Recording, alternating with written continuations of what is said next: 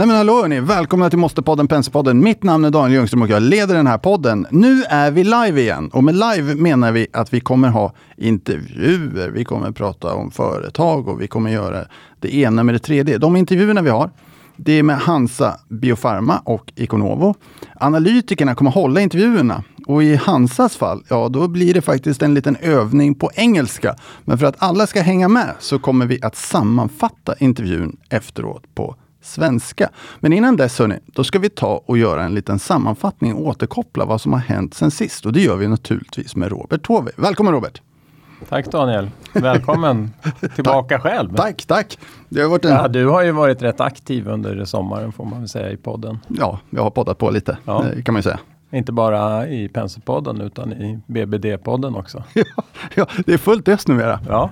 Då, då ska man veta att en och annan av de här poddarna spelar man ju in innan sommaren för att ha ett lite löpande schema. Så juni var en hyggligt intensiv månad på alla sätt och vis. Eh, men sen har det rullat på på olika sätt och vis. Hur har din sommar varit Robert? Den har varit bra. Jag, jag har varit igång nu i, det här är nog fjärde veckan som jag är på plats. Eh, men innan dess så hade jag lite semester och eh, det var skönt. Om vi ska sammanfatta sen sist, sista podden vi spelade in Robert, då hade vi, då hade vi en, ett ganska eh, digert register. Vi hade initieringsanalys av Intervac. Vi hade Clemondos VD här. Vi hade en rapportkommentar från Victor Garmiani på Candle Scandinavia heter de. Och där får man väl säga att de kommer med någon form av omvänd vinstvarning under sommaren. Mm, eh, bara för en vecka sedan eller tio dagar sedan. Ja, det kanske var så nyligen. Mm. Eh, sen hade vi en kommentar kring SBB eh, och vi hade Education Alberts här i studion. Sen var ju, det var ju en ganska orolig period. Juni var ju inte en fantastisk eh, börsmånad för, för alla inblandade. Jag tror den var ner 8 och det var sjätte månaden på raken. Eh, sen vände det upp lite grann. Mm. Eh, precis, jag tror att eh, 16 då som, som vi hade sista podden med, eh, med analytiker på plats 16 juni.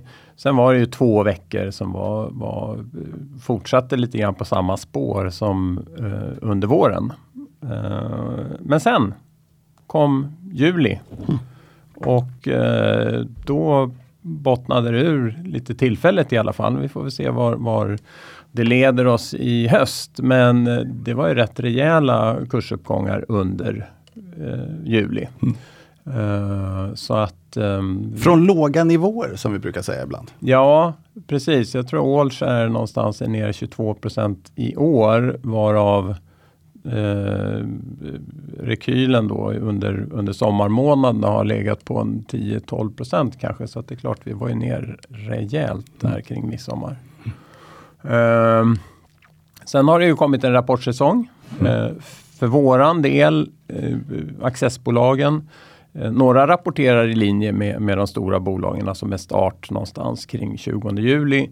Men andra ligger ju väldigt sent så att eh, vi har ju fortfarande bolag som, som kommer in. Idag kom BTS, eh, Sensus och eh, Caliditas eh, och, och, några till. Så att eh, det är full aktivitet fortfarande.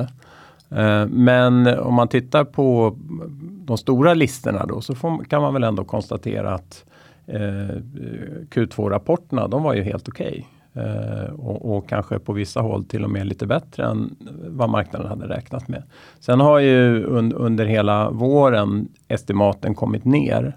Eh, så, så, att eh, en del var väl uttaget redan. Om, man, om man backar bandet ännu lite mer där Robert. Inför sommaren så hade vi de här olika konjunkturpoddarna där vi intervjuade vd. Vi hade en mer, vad säger man, cyklisk industriell eh, podd mm. där vi hade industribolag på olika sätt och vis. Sen hade vi ju konsumtionsbolag. Mm. Och, och den, den öppna frågan som vi försökte härleda lite grann handlar ju till viss del om om, om, hur de upplevde det när alla pratade om recession och så vidare. Fanns den här recessionen? Min, min slutsats var ju, eller slutsats, det var ingen slutsats, men min spaning kan man väl kalla det i varje fall. Det var ju att av de här tio vdsarna så, så pratade alla om en kommande konjunktur. Mm. Men än så länge hade ingen riktigt sett den. Nej. Och det var väl kanske också det vi sen såg i, i rapporterna till viss del, att man har fått ordning på en del av den här försörjningsproblematiken. Om man tar Beijer Group som exempel, som i kvartal ett hade lite knepigt att, att, att möta efterfrågan och få ihop produkterna. I kvartal två så hade de löst och gjorde en jättefin rapport mm. till exempel. Mm. Eh, och, och vissa andra bolag också. Nu, nu går vi mot ett annat scenario, nu vet vi inte igen. Men, men... Nej, nu vet vi verkligen inte. Nu, nu, har ju på något sätt eh, eh den här risk, riskpremiejusteringen då som ju våra bolag är extremt exponerade mot. Om, om, man tänker sig att avkastningskravet består av riskpremien och eh, räntan så har ju riskpremien fullständigt exploderat i de här bolagen. Mm. Det handlar ju om, om, om uppemot dubbleringar i vissa fall. Mm. Eh, samtidigt då för de, de, lite större bolagen så har ju räntan börjat bita så att eh, det, det har ju kostat på för kurserna. Mm. Men estimaten, där vet vi inte. Eh, och det är väl inte läge eh, för oss som, som jobbar bottom-up att, att ha några tvärsäkra eh, åsikter om, om eh, går vi in i en lågkonjunktur eller gör vi det inte. Men man kan konstatera att de rörelsedrivande bolag som vi följer, det, där är ju läget fortsatt detsamma. Mm. Ja, vi hör att det pratas om lågkonjunktur, men vi ser ingenting mm. än. Uh, och det kommer väl lite, lite signaler här och var också om att komponentbristen, det må vara tillfälligt, jag vet inte, lättar lite granna här och var. Mm. Uh, och, och, att det inte är samma uh, logistikproblem heller för tillfället. Det kan ju bero på att efterfrågan viker nu. eller så, så lättar det helt enkelt upp. Den som lever får se, som vi brukar säga. Ja, lite grann är det väl kanske så. Hur, hur ser, då har du haft fyra månader på dig att planera lite grann. Hur ser höstplaneringen ut? Uh, höstplaneringen ser ut som att vi kommer att initiera, som det ser ut just nu, på eh, uh, knappt tio bolag. Ligger i, i pipen just nu. Vi har två bolagsdagar som ska klaras av, varav den ena kommer nästa vecka på onsdag. Uh, då har vi 32 eller 33 bolag på plats. Sen har vi en bolagsdag till i november och sen har vi fyra eller fem Ehm, temadagar. Ehm, varav en life science som ligger i december tror jag. Så det kommer att vara, vara fullt upp, kanske inte lika mycket event som under våren men ändå full aktivitet. Och sen jobbar ju analytikerna med att eh, presentera kontinuerligt då sin syn på bolagen um, i, i Youtube-framställningar. Då. Man gör ju korta 4-5 minuters uh, case kan vi kalla på, på intressanta bolag. Och man kan väl hitta BTS där idag kanske? Där kommer man att hitta BTS och senast jag såg eh, Rickard precis innan jag gick ut och han såg väldigt glad och nöjd ut. Så att, eh, det, det, och han uttryckte väl också att det var en väldigt fin rapport. Det är ju en liten poddfavorit där man har bytt VD efter vad, 26 år?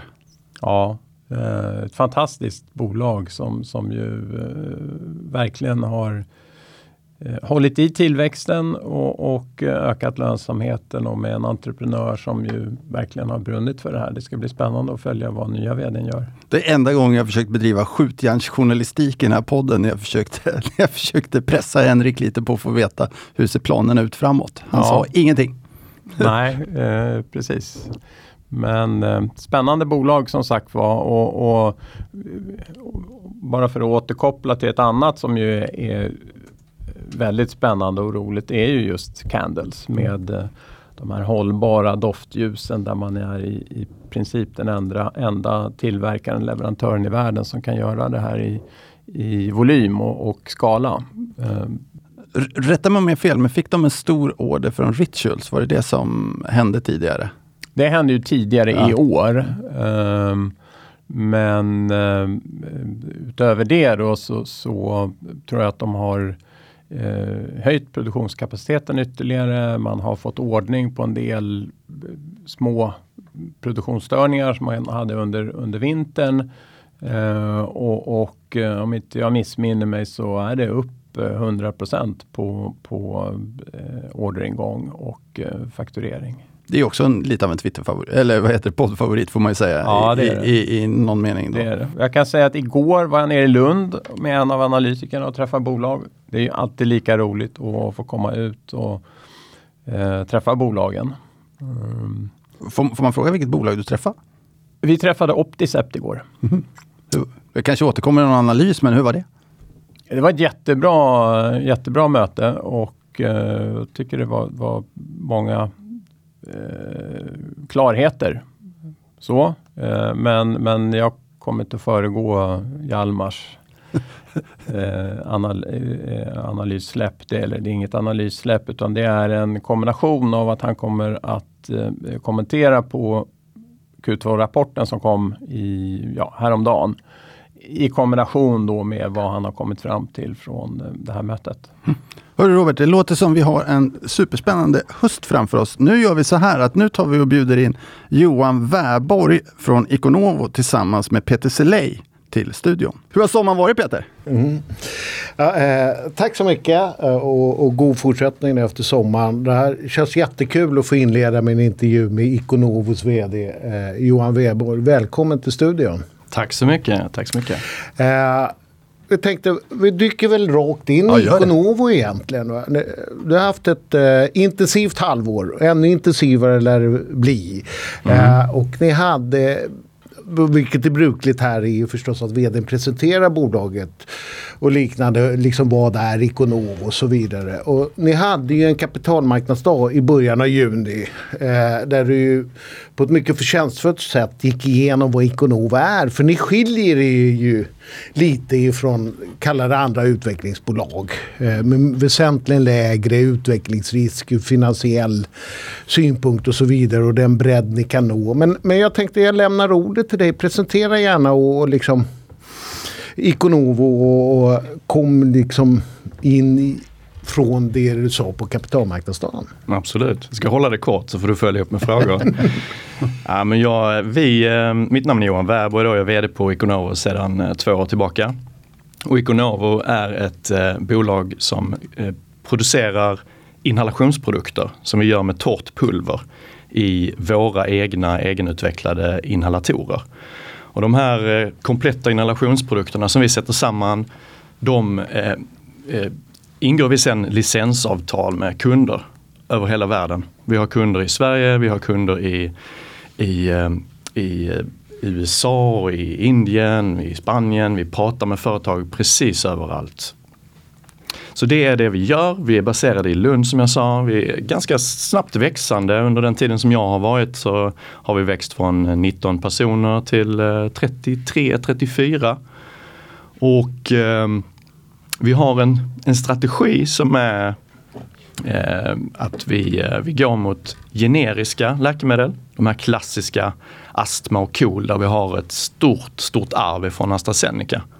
Och sen har vi den andra eh, strategin där vi eh, går mot nya, helt nya originalläkemedel. Hjälper bolag att ta fram inhalationsläkemedel där. Och sen vill vi även sälja våra egna läkemedel och kanske en del andra läkemedel i Norden. För det är också någonting vi, vi kan. När, när var den här kapitalmarknadsdagen? Den var i början av sommaren. Vilket datum var det nu Peter? Det kan ha varit första tre... juni var det. Ja, precis. Första juni. För, för jag, jag är inte så påläst som ni på, på er verksamhet. Men jag tittar lite på aktiekursen här och jag ser att aktiekursen tar ett re, rejält, eh, nu ska vi se här, ett rejält skutt 6 maj ungefär. Mm. Um, ja, men vi har, ju, vi har släppt en del smånyheter. Det största som har hänt under sommaren egentligen, det har varit en rätt aktiv sommar. Kanske hände lite senare då, mm. men det är att vi ingått ett, eh, eller vi har fått ett, eh, ett anslag, ett grant från Bill and Melinda Gates Foundation. Mm.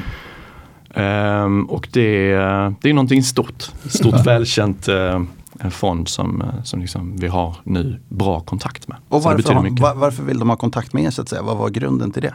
Grunden till att de tog kontakt med oss är att vi är väldigt eh, unika på världsmarknaden egentligen om man tittar efter bolag som har en öppen plattform att, för att framställa pulverinhalationsläkemedel åt andra bolag.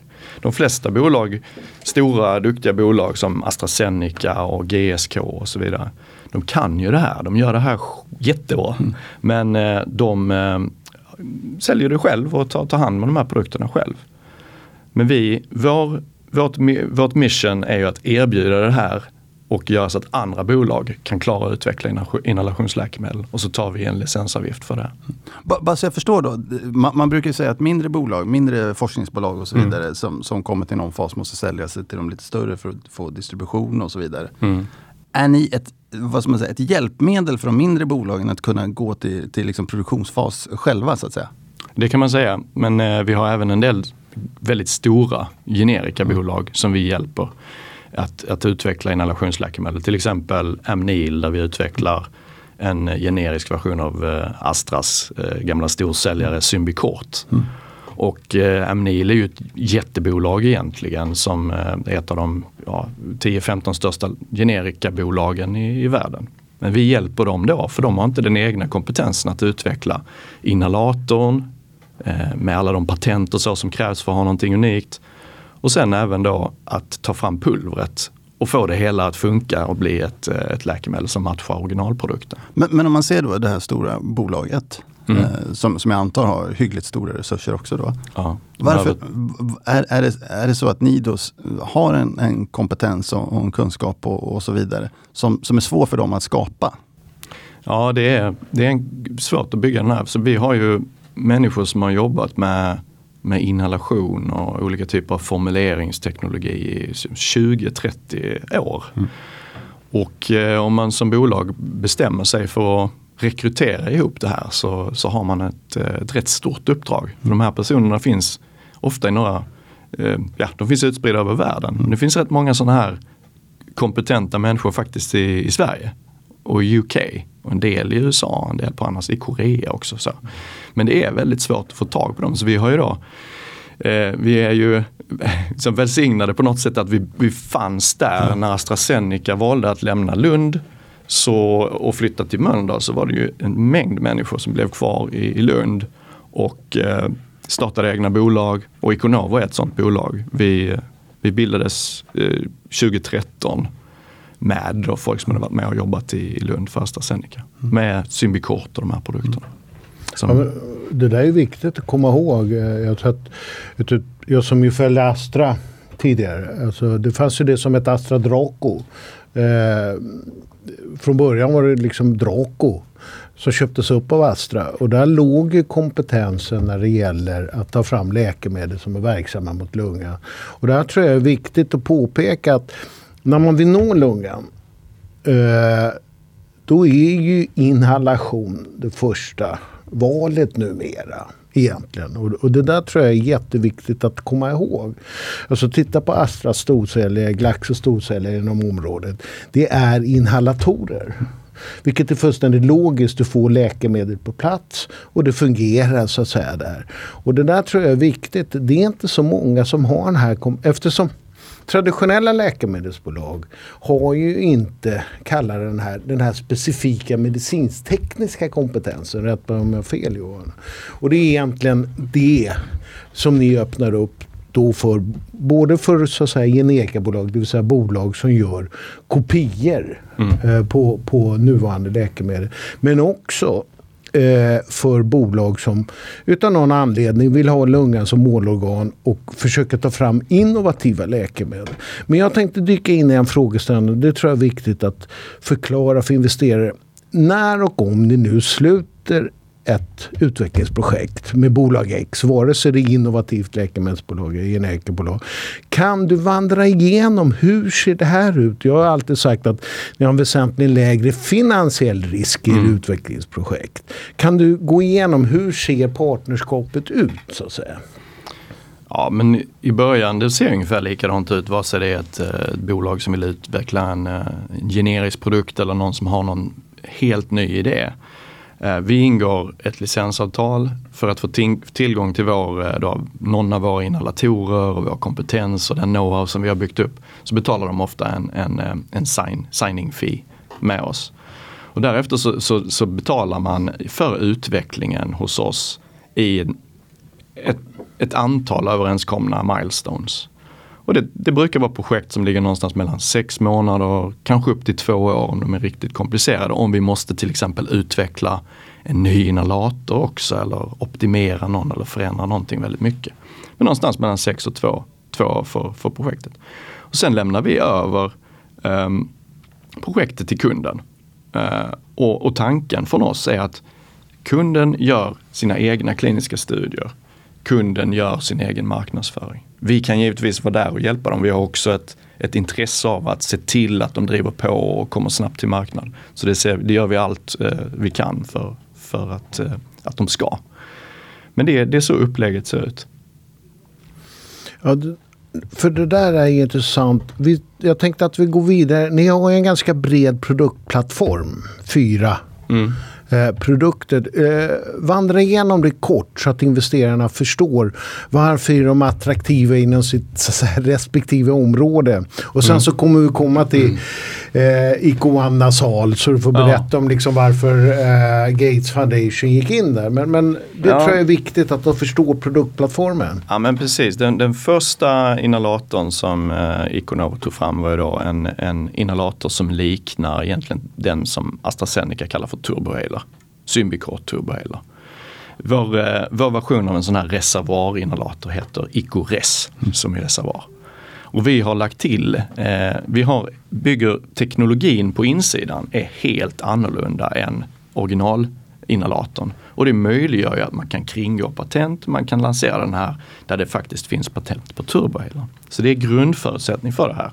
Och att vi har en mängd olika patent som skyddar kunden då så att de kan känna sig säkra att ingå affärer med oss. Och sen har vi även lagt till möjlighet då att ha en del smarta funktioner i den. Till exempel att man, man kan känna när man har tagit dosen. Det finns exakt dosräkneverk. Eh, om kunden vill ha digitala komponenter i den som man kan koppla till en app eller, eller egentligen vad som helst.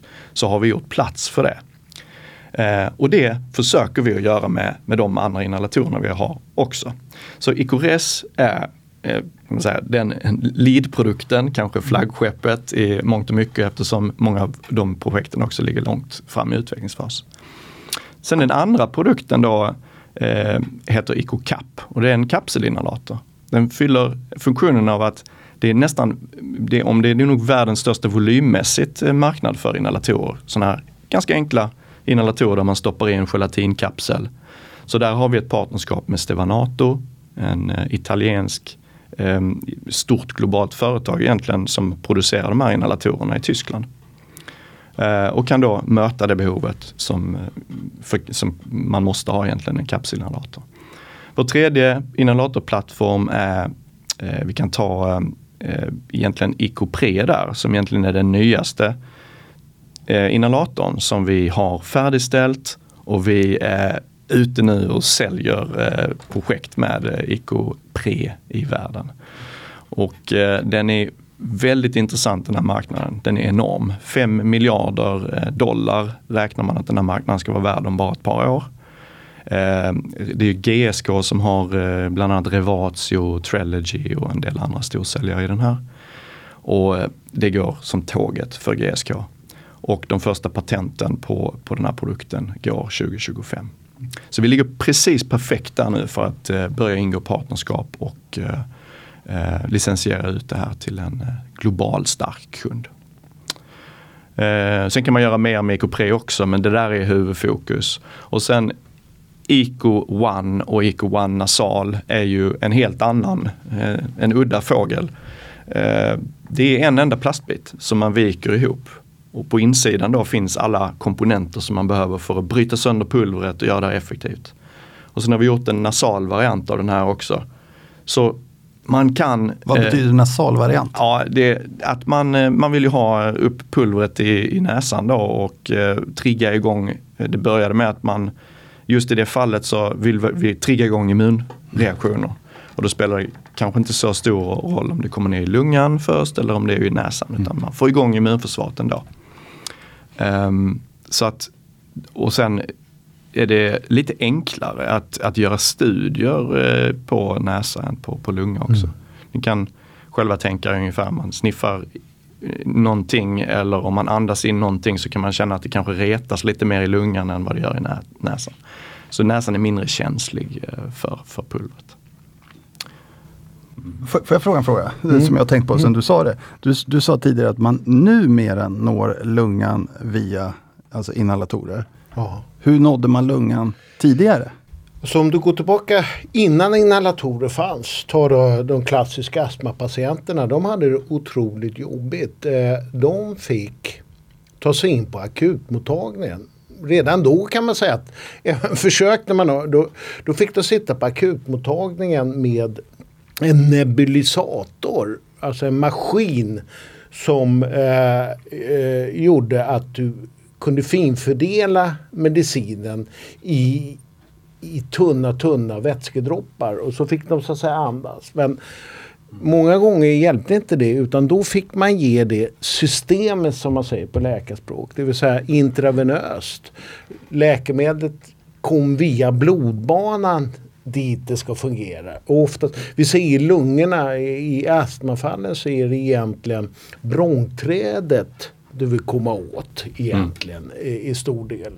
Så att där fick man ju då oftast ge dem intravenösa sprutor. Och det här var ju jobbigt. De här astmapatienterna fick ju titt som tätt besöka akuten därför de hade och underhållsbehandlingen var då tablettform, kortison egentligen, med alla de biverkningar som fanns. När de här inhalatorerna kom, eh, nu kan du väl i grunden säga att det Alltså de verksamma substanserna är två olika typer. Ena är en så kallad bronkdilatator. Den andra är kortison.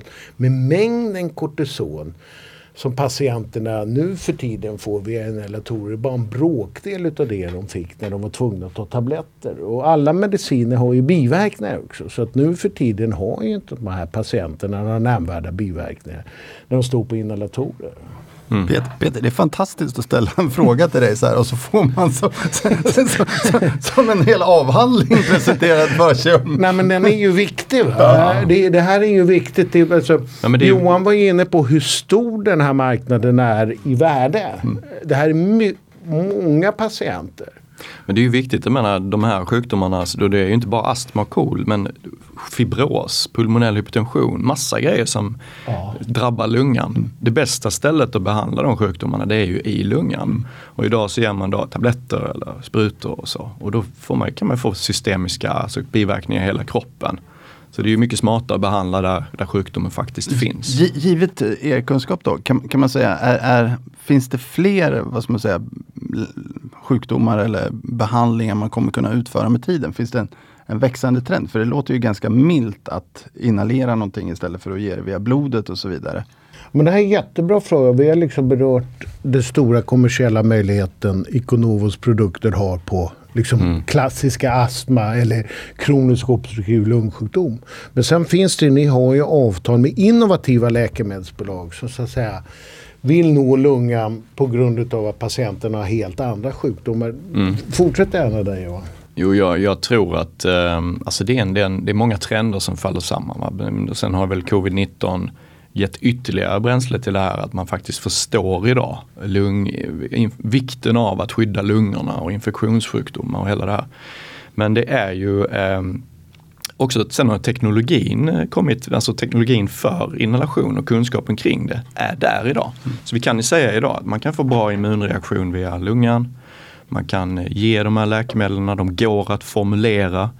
I vissa läkemedel kunde man inte tidigare göra ett pulver av. Eh, för att det helt enkelt blev för klibbigt eller mm. det, blev för, det krävdes jättestora volymer. Men idag med vår teknologi så kan vi göra pulver av det allra mesta. Och vi kan stoppa det i en passande inhalator. Mm. Och där, är vi, där har vi alla spakar att dra i och med att vi sitter på kompetensen att göra pulvret och vi kan matcha en inhalator så att det passar kunden och hjälpa dem i det valet. Och ehm, det är mycket av de här, om vi ska in, prata på dem, om de här nya originalläkemedlen alltså som är nya helt innovativa saker. Så är det en, många som väljer eh, inhalation och då väljer man det antingen för att det är en lokal, någonting som ska till lungan, det känns logiskt. Det kommer dit snabbt. Det kan också vara att man behöver en snabb reaktion i kroppen. Mm.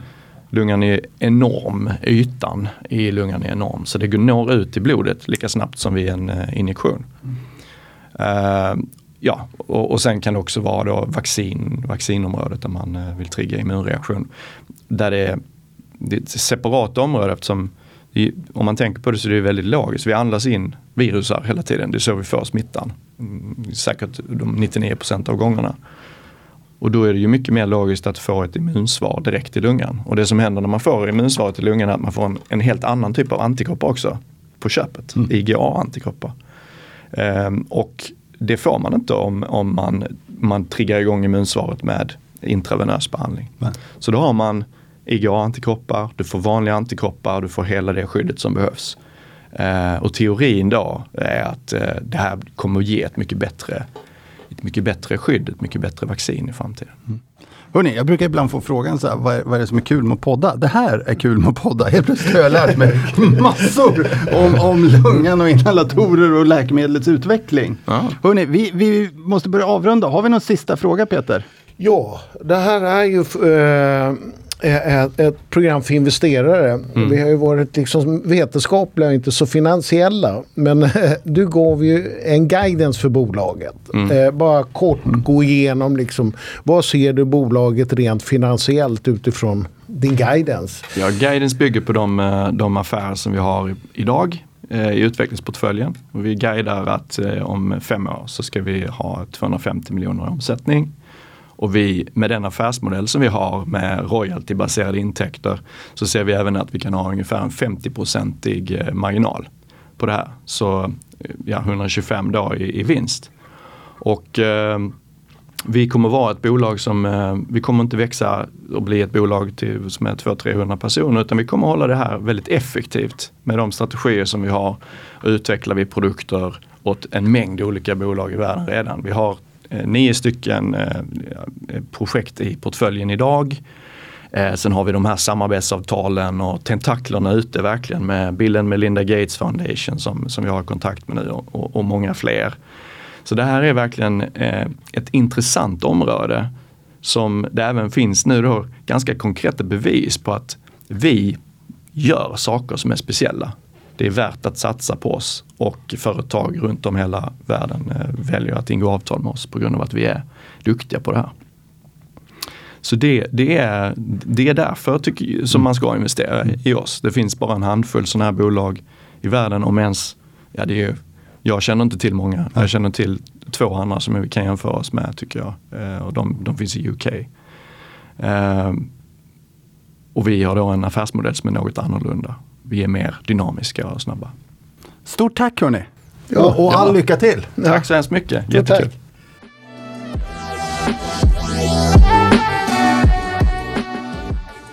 Då så hörni, då har vi släppt ut Econovo ur studion och det var ju en ganska intressant, eh, vad, vad, ska man kalla det då, eh, upplevelse att få lära sig så mycket mer om lungan, lungans funktioner och inhalatorer. Men nu ska vi göra ett snabbt byte och gå vidare och för att gå vidare så har vi Först och främst, Ludvig i studion. Välkommen Ludvig! Ja, tack så mycket. Tack så mycket. Vad ska vi gå vidare med?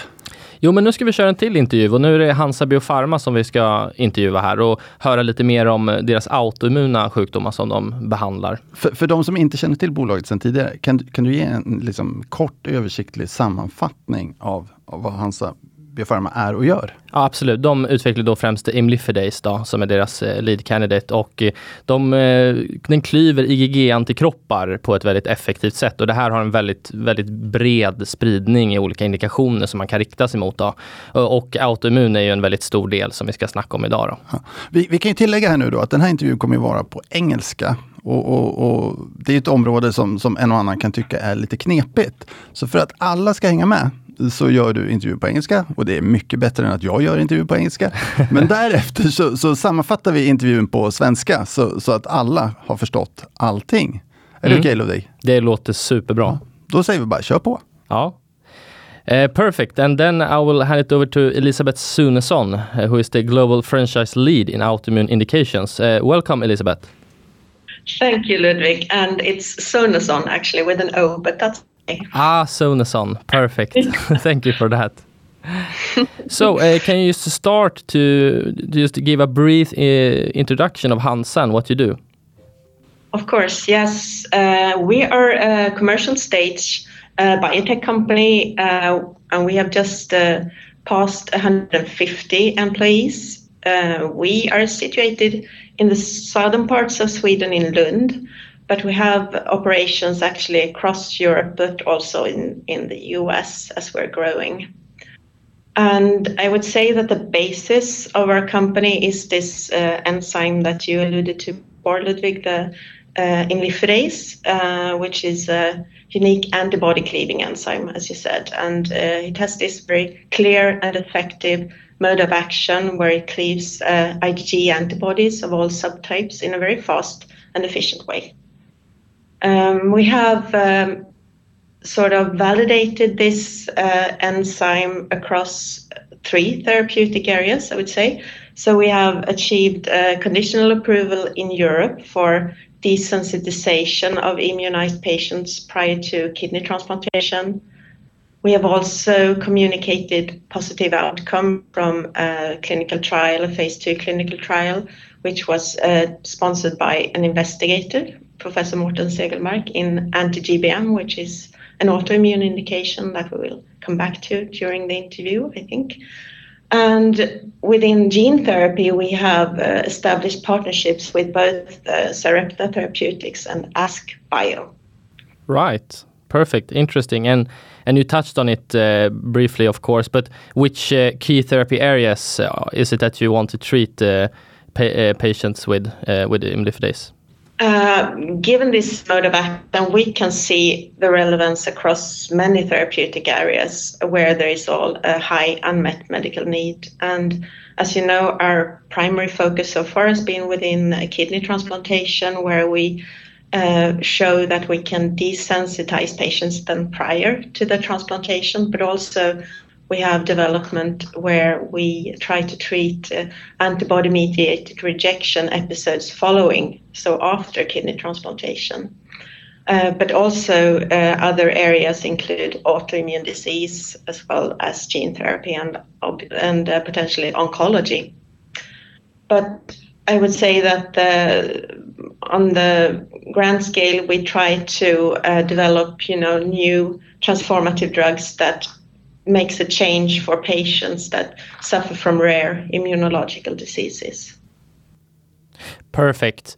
And this is a kind of complex area. So, for listeners that are not familiar with autoimmunity, can you just briefly explain what, what this is?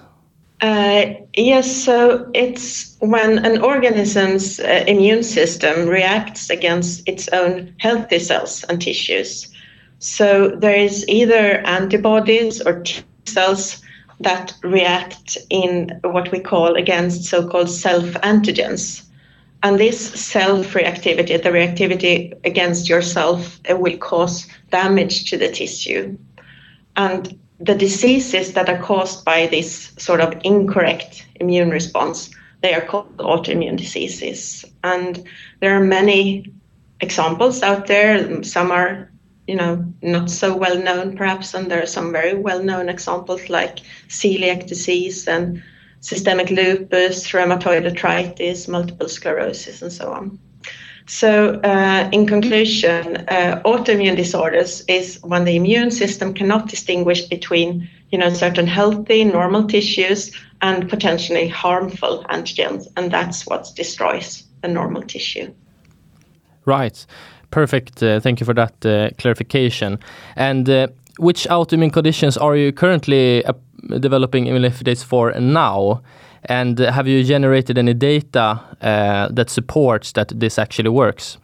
So we currently have two development programs within, within the autoimmune indications. One is within anti-GBM and one is within Guillain-Barré syndrome. So I'll just talk a little bit about them separately, starting with anti-GBM.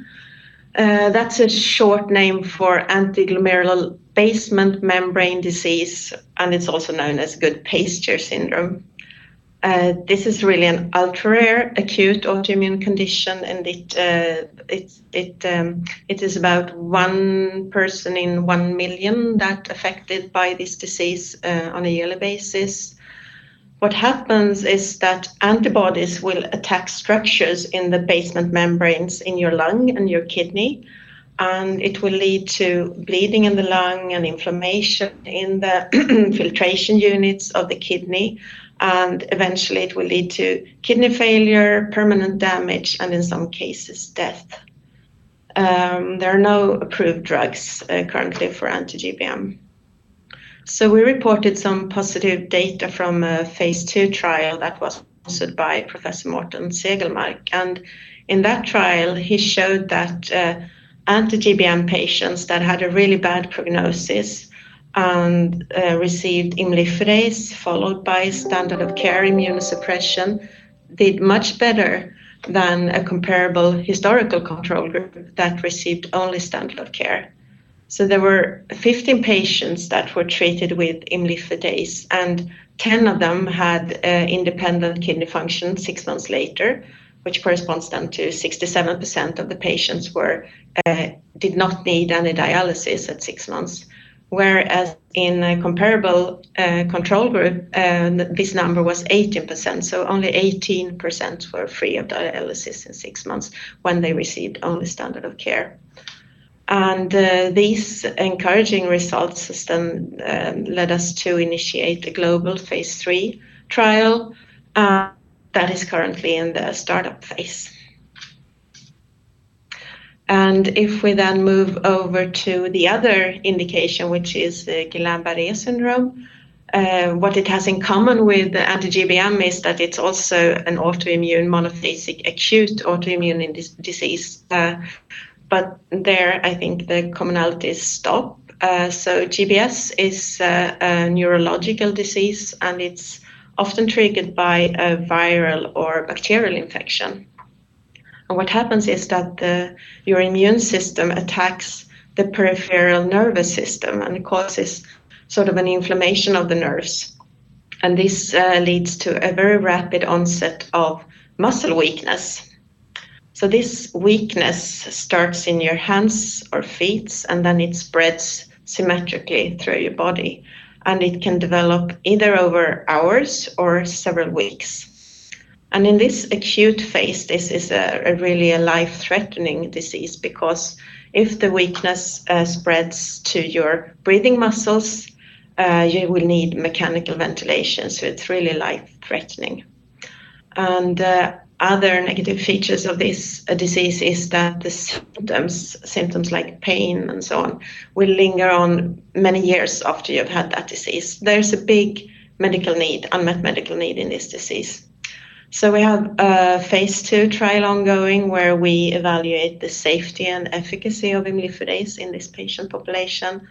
And uh, basically, the patients uh, start by receiving imlifidase, and this is followed by the standard of care and when we have uh, completed the trial, the outcome of the imlifidase treated patients will be compared to an external matched control group of similar uh, patients, but that have received only standard of care. And the aim is that the results from the phase two will guide us as how to perform a phase three trial. Uh, in this indication, obviously, as the trial is ongoing, we don't have any human data, but we do have some encouraging data from a preclinical animal model within uh, GBS. Okay, interesting. So anti-GBM and GBS are the indications you're pursuing now? Yeah. Yeah. Uh, and are there any limitations as to which autoimmune conditions you can treat? Uh, well, um, the limitations, the inherent limitations of imlifidase is that it's an enzyme of bacterial origin, as I mentioned before, or you mentioned before, and therefore it's immunogenic, and that means that it's recognized by the body as something foreign, and that will trigger an immunological response, and we are therefore limited to a single dose of imlifidase.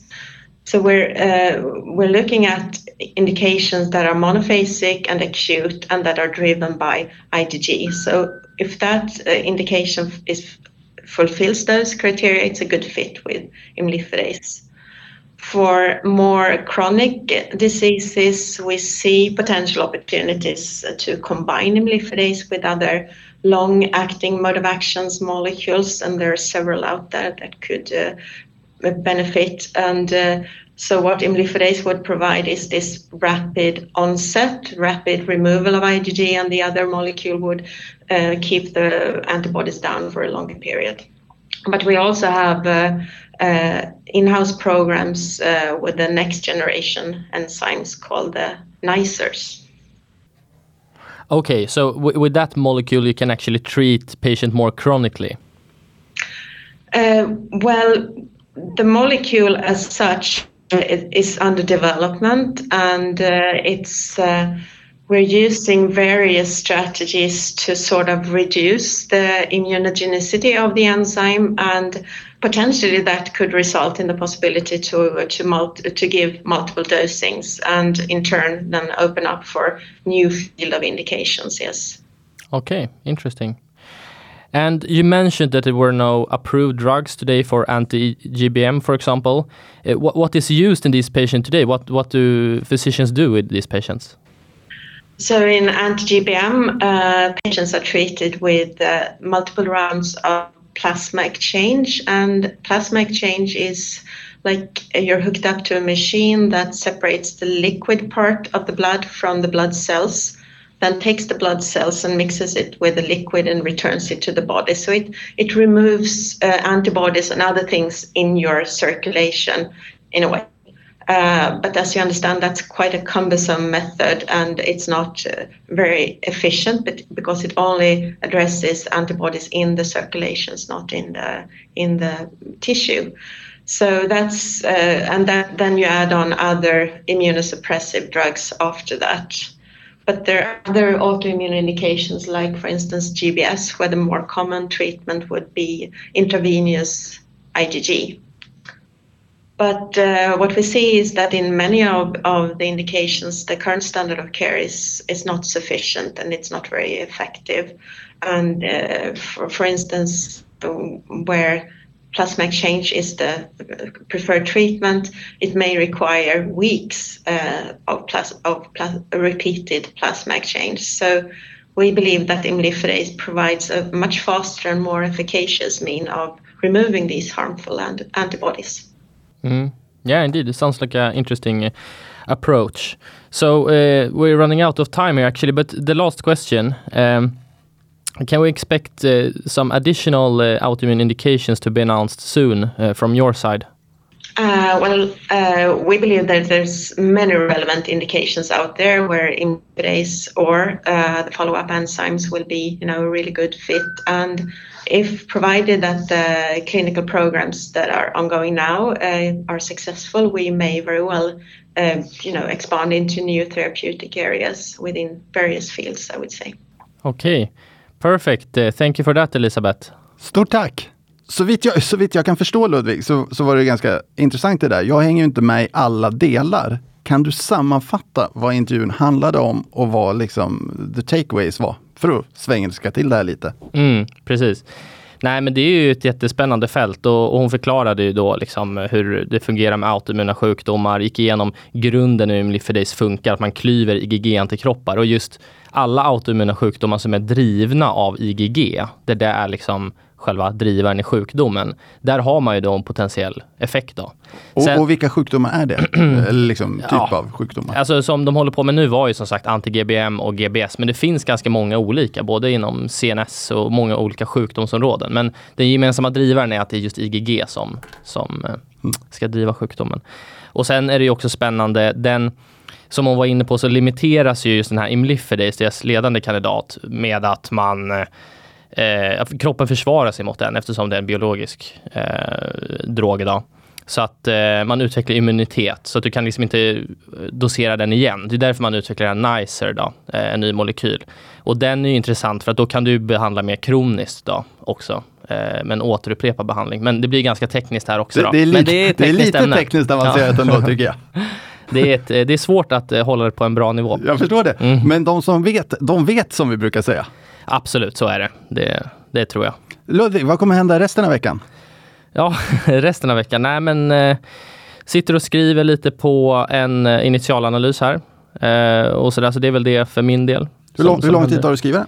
Uh, ja, nu har det varit lite sommaravbrott och sådär, men det brukar väl sikta på runt två månader. Uh, får vi se om Robert uh, håller med här också. Ro, Ro, vi är lite oklara på om Robert hörs i micken än så länge, så jag ställer inga följdfrågor till honom med, med, risk för att få en konstig intervju. Men han har smugit in lite grann här efter sommaren i studion också. Ser taggad ut, lite solbränd och sådär. Ja, men det tycker jag. Det går bra nu som vi brukar säga. Ludvig, stort tack! Tack så mycket!